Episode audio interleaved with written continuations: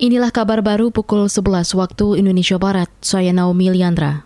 Badan Kependudukan dan Keluarga Berencana Nasional mengungkapkan banyak hal yang menjadi penyebab anak lahir dengan stunting atau gagal tumbuh di bayi dan balita. Salah satunya kata Deputi Bidang Keluarga Berencana dan Kesehatan Reproduksi BKKBN, Eni Gustiani, yaitu buruknya gizi ibu dan jarak lahir antara anak.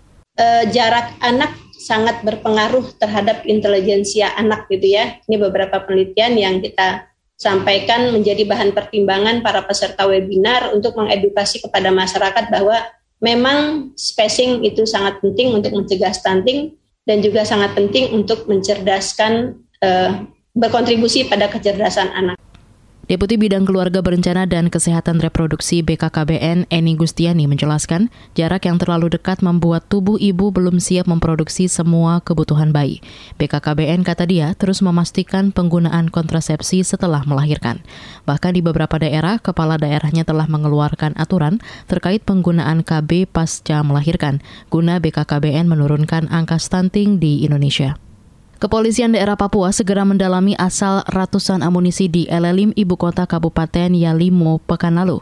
Direktur Reserse dan Kriminal Umum Polda Papua, Faizal Ramadhani, mengatakan akan mengirim tim ke Wamena, Kabupaten Jayawijaya untuk membantu Polres setempat melakukan penyelidikan. Nanti dari Direktorat Kriminal Umum, termasuk dari Satgas Damai Karten, akan membackup ke Wamena untuk mengembangkan uh, penyidikannya karena penyidikannya ini akan mengembang mungkin di daerah lain karena sumber sumber amunisinya dari daerah lain.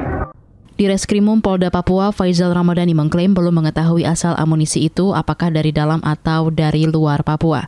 Kepolisian kata dia juga akan menelusuri sumber dana pembelian amunisi yang totalnya mencapai 123 juta rupiah itu.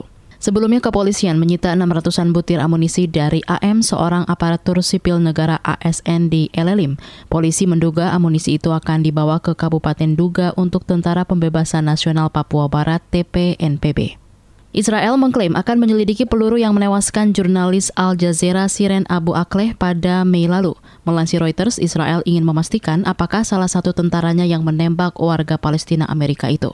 Sebelumnya, Palestina menyerahkan hak investigasi kepada Amerika Serikat, bukan ke Israel untuk melakukan tes peluru.